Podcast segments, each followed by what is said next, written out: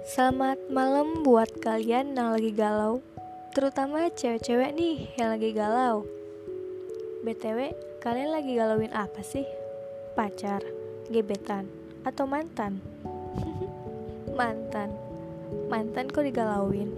Udahlah ya, stop mikirin mantan Karena belum tentu juga mantan itu mikirin kita juga Ya, walaupun gue tahu move on dari mantan itu gak gampang apalagi mantan yang udah banyak banget ninggalin kenangan sama kita. Ups.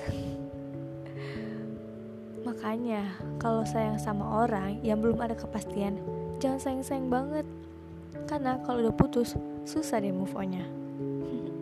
Oh ya semangat ya yang belum bisa lupain mantannya.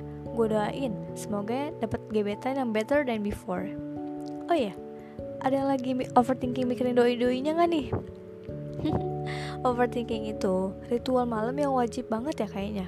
Kalau nggak overthinking, kayaknya belum afdol. Kadang apa nangis sendiri karena overthinking. Padahal udah pakai skincare sebelum tidur, eh malamnya malah nangis. Chat nggak dibalas padahal online, pasti mikirnya kayaknya dia lagi selingkuh deh. Lagi chat sama cewek lain deh. Padahal aslinya si cowok ketiduran atau lagi balas-balasin chat temen-temennya Atau mungkin lagi ada hal yang lebih penting tapi karena kita yang overthinking dan membuat kita jadi kesel, marah gak jelas, bad mood sendiri, dan ujung-ujungnya nangis.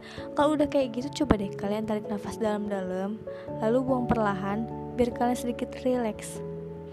Terus chat doi baik-baik, tanyain kenapa chatnya belum dibales. Kalau doi udah bales dan lagi gak sibuk, coba kalian ajak telepon dan ajak ngobrol ringan. Oh ya, kurang-kurangin overthinkingnya ya. Nggak baik loh sering-sering overthinking galau, apalagi sampai sering nangis malam.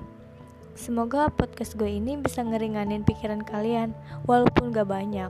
Semoga hari-hari kalian indah ya, dan aktivitas kalian lancar. See you next time.